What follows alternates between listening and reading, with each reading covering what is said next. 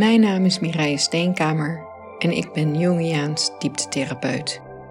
Mijn expertise is het ontdekken van de kracht van het onbewuste. Dit doe ik door middel van familieopstellingen, droomanalyses, archetypische opstellingen, luisteren naar lichaamssignalen en de taal van de symboliek. Hallo, mijn naam is Timo Waagmeester. Ik ben holistisch therapeut en coach en tuinman in het noordoosten van Spanje. Ik ben gespecialiseerd in tarot, droominterpretatie en qigong. Hallo, daar zijn we weer. Vandaag behandelen we hoofdstuk 3. En hoofdstuk 3 heet Over het in dienst staan van de ziel. We hebben hoofdstuk 1 gehad, het hervinden van de ziel. Hoofdstuk 2, ziel en God. En hoofdstuk 3 over het in dienst staan van de ziel. Ja, Timo, misschien is het wel leuk om even de twee vertalingen erbij te halen, om meteen met de titel even te beginnen. Ja, want we hadden het daar net al over. Want ik zei dat in het Engels is de titel On the Service of the Soul. En in het Duits, volgens mij was het Über de Dienst der Seele. Als ik dat goed zeg, waarschijnlijk niet. Maar vanaf van die Duitse en Engelse uh, vertaling had ik meer het idee dat het om dus een soort plechtigheid voor de ziel ging. Zoals een, een dienst in de kerk bijvoorbeeld. Ja, en als je het hoofdstuk hebt gelezen, wat, wat, wat krijg je dan?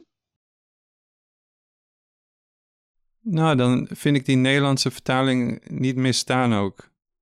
Omdat ik heb het idee dat uit het hoofdstuk dat het... Ja, dat Jung als het ware uh, wordt gevraagd, of misschien ook wel uitgedaagd, door die ziel om zich ontvankelijk te stellen voor, um, ja, voor dat zielenleven, voor, voor um, ja, die meer obscure inhoud van zichzelf. En zich daaraan, nou misschien niet over te geven, maar wel voor open te stellen. Terwijl als het, zeg maar, als ik naar die Engelse vertaling zou kijken, on the service of the soul, dan zou het meer een soort plechtigheid. Nou, daar kan ik ook wel iets van maken waardoor het zou kunnen kloppen. Dus ik weet het niet. Wat denk jij?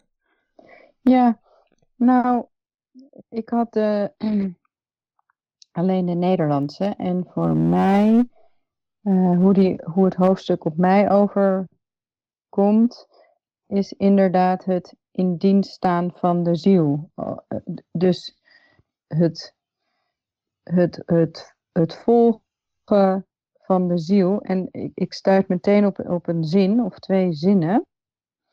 Hij zegt op een gegeven moment al vrij in het begin: Ik hink achter je aan op krukken van het verstand.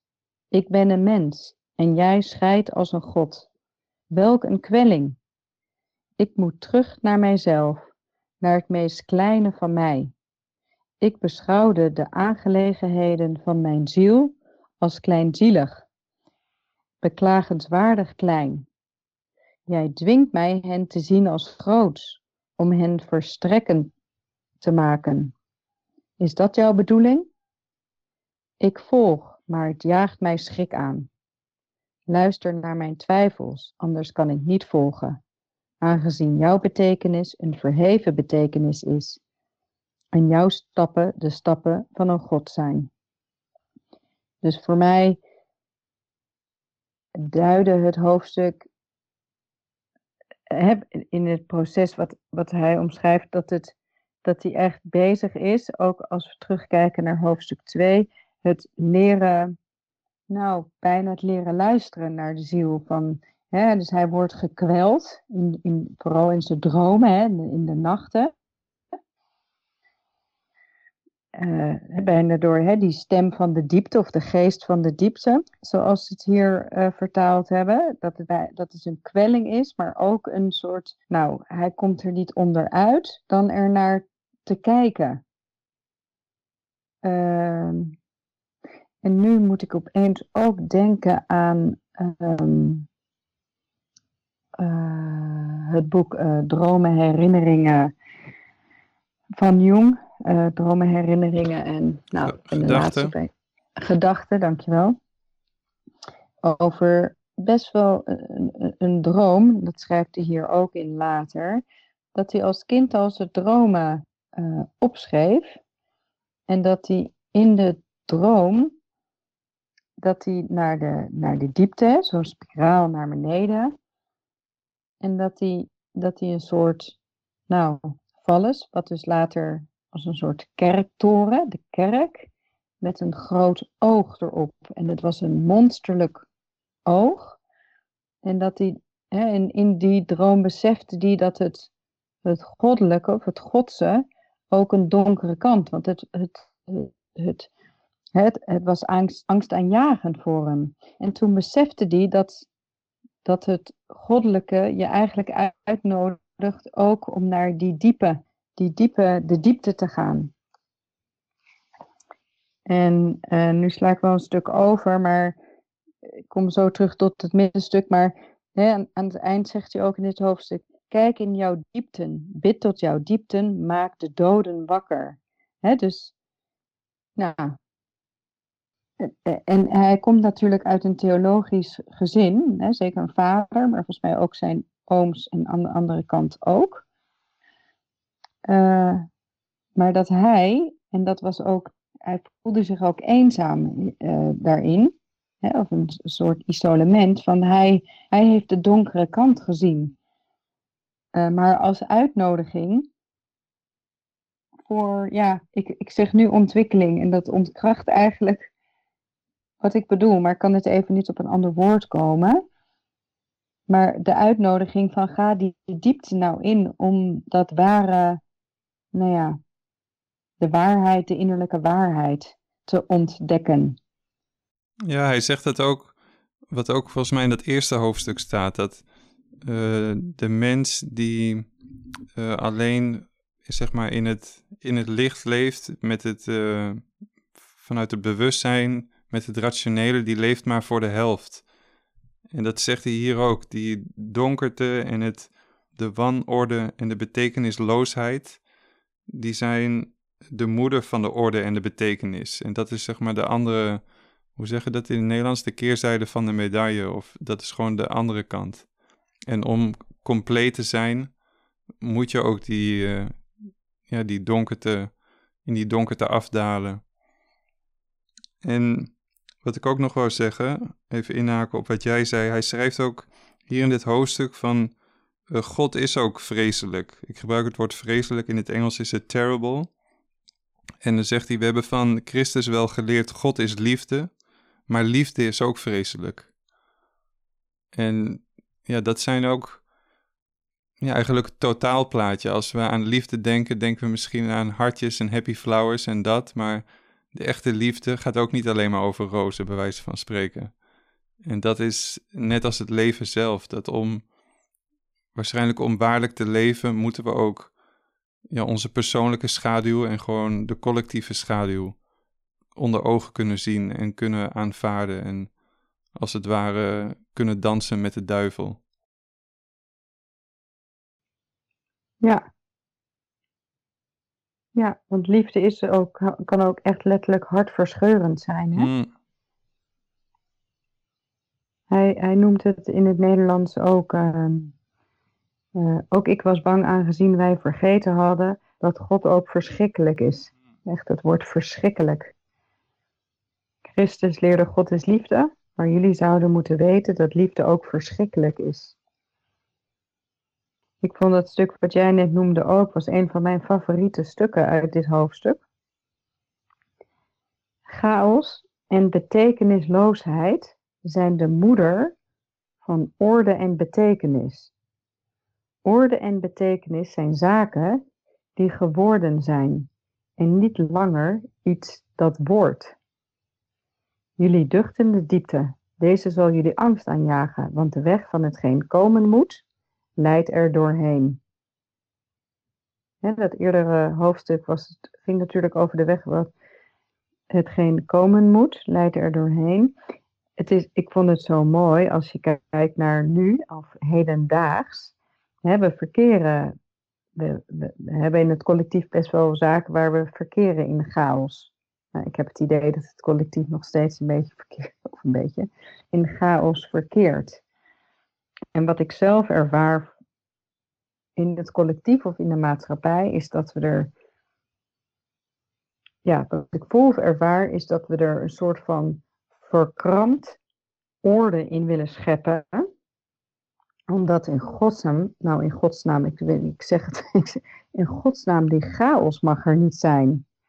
Maar die, die chaos, en dus de, juist de betekenisloosheid daarvan, zijn eigenlijk de, de motoren. Weet je, het zijn, het, het, hè, dat zegt hij bijna, het zijn de motoren. Het is bijna de, hè, benzine uh, van de moeder, hè, van de orde en de betekenis. Dus er is geen. Hè, wat is betekenis als er geen chaos vooraf aan is gegaan? Wat heeft het dan voor betekend? En dat vind ik een hele. Nou, ik vind het een hele mooie. En als ik het terugtrek naar de maatschappij nu, van het, het belang, uh, dat geldt dan voor mij, het belang om daar stil bij te blijven staan van wat is nou de betekenis van die chaos? Um, chaos en betekenisloosheid zijn de moeder van orde en betekenis. Ja. Ja, het brengt ons terug naar de realisatie dat zekerheid niet bestaat. En volgens mij zijn we als mens is dat een hele grote deceptie, omdat we willen met ons pensioen en met ons, met ons contract en met onze verhoudingen en we willen gewoon de boel controleren, afgemeten hebben en weten wat we kunnen verwachten, zonder dat er dus onverwachte hobbels op ons pad komen die, weet ik veel, de kar kunnen doen ontsporen. En ik denk dat, ja, collectief, dat er zo'n grote angst is om van het pad te raken.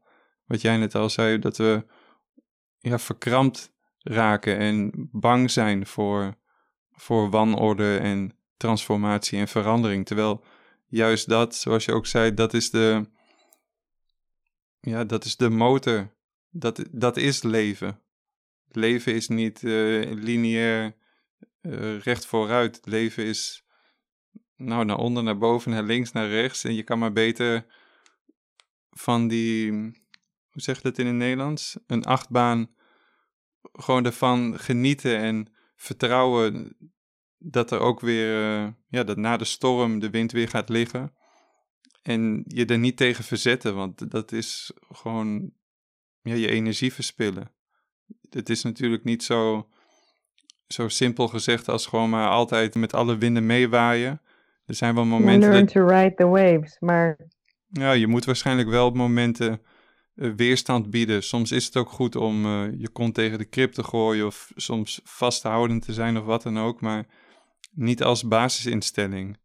En ik denk een groot gedeelte van het hoofdstuk dat gaat ook over jongste strubbelingen met het loslaten van die zekerheid en met zijn angsten voor het onbekende onder ogen zien en ja, die stap in de duisternis durven zetten. En ook het, het vooral het niet weten, betekenisloosheid accepteren als betekenisvol. Mooi. Dus zelfs betekenisloosheid is betekenisvol. Ja, want hij noemde dat in het vorige hoofdstuk over het stuk wat je zegt van, hè, ik zeg, zo iemand misleidt zichzelf tot zijn eigen nadeel. En dan heeft hij het over, uh, kan hij zijn pad logenen na de kwelling van Christus. Dus daar geeft hij aan van ja, we hebben allemaal ons, ons pad te bewandelen. En hij schrijft er, uh, ik moest erkennen dat ik mij moet onderwerpen aan wat ik vrees.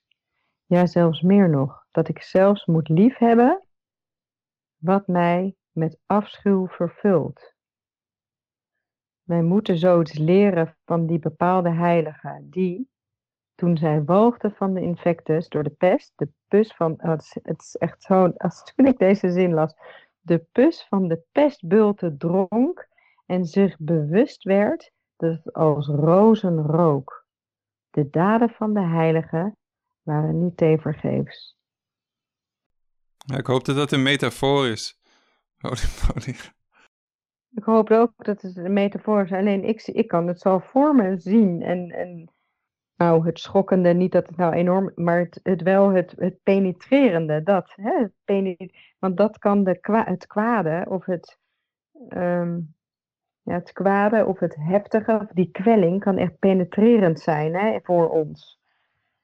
Ehm, ik vind het wel een mooi, een mooi beeld om, om gewoon de mogelijkheid open te houden dat hoe afschuwelijk en hoe vreselijk en hoe angstaanjagend en weerzinwekkend iets in het midden gelaten wat, maar iets ook zich kan doen voorkomen, dat wie weet, ja, wie weet wat het, uh, wat de, de werkelijke aard van dit is. Ik weet niet of ik me goed uitdruk, maar dus om nog even op die, uh, terug te komen. Dat de eerste, nou misschien ook de tweede en de derde keer dat je daarover nadenkt, dan is het weerzinwekkend. Maar ja, wie had gedacht dat die busbulten naar rozen zouden ruiken? Of die etter die daaruit komt. Maar om, om daarachter te komen moet je wel het lef hebben om, om je daar met uh, ja, vol overgave uh, ja, aan te wagen. Ik heb een droom gehad en ik denk een half jaar geleden is dat ongeveer. Die, um, die stuurde ook een beetje daarop aan. Ja, ik pak hem op op, op het moment dat ik... Um, ik ben in een zwembad en daar staat een sjamaan. En die sjamaan die maakt mij duidelijk dat ik ja, uh, aids heb. Of uh, een soort dus een ongeneeslijke ziekte of iets. Maar dat, ik, dat hij mij wel kan helpen. En om me te helpen moet ik aan de rand van een groot donker zwembad gaan staan, waarvan ik weet dat daar echt een enorme slangachtig beest in zit. Ik denk een soort anaconda of zo. En dan moet ik me daar naakt aan de rand van het zwembad gaan staan en wachten op het moment dat die slang me gaat bijten. En die beet van die slang, dat zou de genezing moeten zijn. En ik weet dat ik in de droom dus aan de rand van het zwembad sta, naakt en gewoon ja, gelaten met alle angst van dien daar sta en te wachten tot die slang me dus onvermijdelijk een keer het grazen komt nemen. En dat is misschien, ja, misschien ook zoiets dat uiteindelijk om te transformeren, moeten we onze grootste angsten onder ogen zien. Jung zegt het ook van I must love what horrifies me in dit hoofdstuk. Ja, hè, wat jij ook omschrijft. Prachtig, prachtige droom. Hè, want de weg van hetgeen komen moet, leidt er doorheen. Hè, dus je moet, je moet er doorheen. Je moet gebeten worden in al jouw naakt, hè, naaktheid, kwetsbaarheid. Door die slang van de diepte, donkere. Als ik het even zo vrij, uh, is voor iedereen anders natuurlijk, maar vrij mag vertalen. Je moet, we hebben daar in, ons, in onze naaktheid en kwetsbaarheid te staan en te laten bijten om, om dat goud, hè, dat, dat um, ja, de andere kant te kunnen ervaren, aanvaarden. Bijzondere droom. Ik kan me ook nog wel een voorbeeld herinneren uit mijn meer wakkere leven. Wat ook even terugslaat op uh, waar we het eerder over hadden. Over hoe liefde ook verschrikkelijk kan zijn. Mhm. Ik weet nog dat uh, met mijn vriendin, dus dan is de, de spanning er al een beetje vanaf, want we zijn nog bij elkaar, maar we zijn een paar jaar geleden ook uit elkaar geweest. En dat was voor mij echt nou, de moeilijkste beslissing van mijn leven misschien, omdat ik was ervan overtuigd, en nog steeds wel een beetje, dat ze de vrouw van mijn leven is. Dus het feit om onder ogen te zien dat die relatie op de klippen liep en dat we allebei onze eigen weg op moesten gaan. Het was echt ja, hartverscheurend en dat is ook niet over één nacht ijs gegaan. Maar uiteindelijk heeft het onder ogen zien van die realiteit uh, ertoe geleid dat we nu wel weer, dus na een tijdje uit elkaar te zijn geweest en ik ben verhuisd en op deze plek komen te wonen waar ik nu woon. En later is zij hierbij ingetrokken.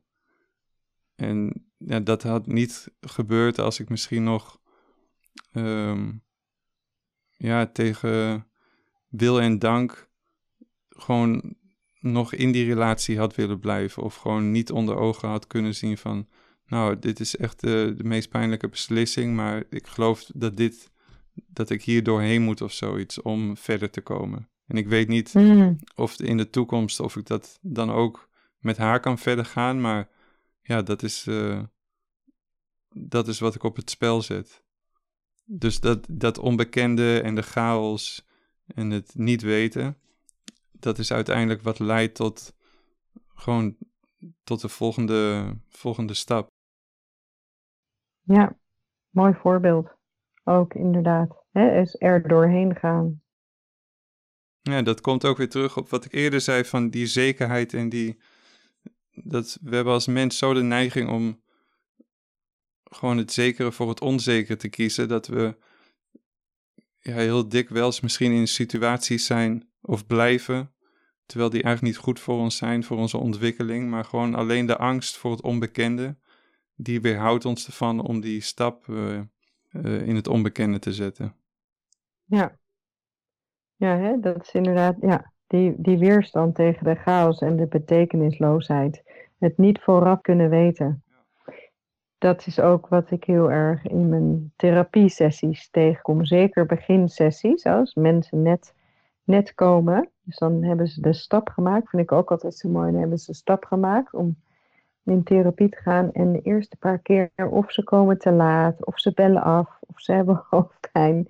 Dus dan duidt het al dat psyche, of dat, dat is daar al bezig, dat is daar al lekker aan het vroeten. En ze weten nog niet, ga ik me nou overgeven of niet? Hè? Ga, ik, ga ik nou mee of, of niet?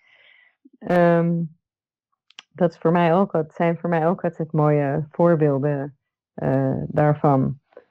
Um, ik, moet even, ik, ik lees nu even het laatste stuk. Misschien is het leuk om daarmee te eindigen hij schrijft dan, maar ik stond er hulpeloos bij. Want dat ken ik hè, van mijn, mijn cliënten die dan daar hulpeloos staan. Van wat moet ik hiermee? Maar ik stond er hulpeloos bij en wist niet wat ik kon doen. Ik schouwde in mijzelf en het enige dat ik in mijn innerlijk vond was de herinnering aan vroegere dromen. Die ik allemaal opschreef zonder te weten waar dit goed voor was. Hè. Dat relateerde ik aan in het begin, die droom van hem. Ik wenste alles weg te gooien. Dat is ook zo herkenbaar. Hè? Dan willen we alles maar weg. En terug te keren naar het daglicht. Hè? Dat is ook in het eerste van, nou, geef mij maar het licht. Maar de geest hield me tegen en dwong mij terug in mijzelf.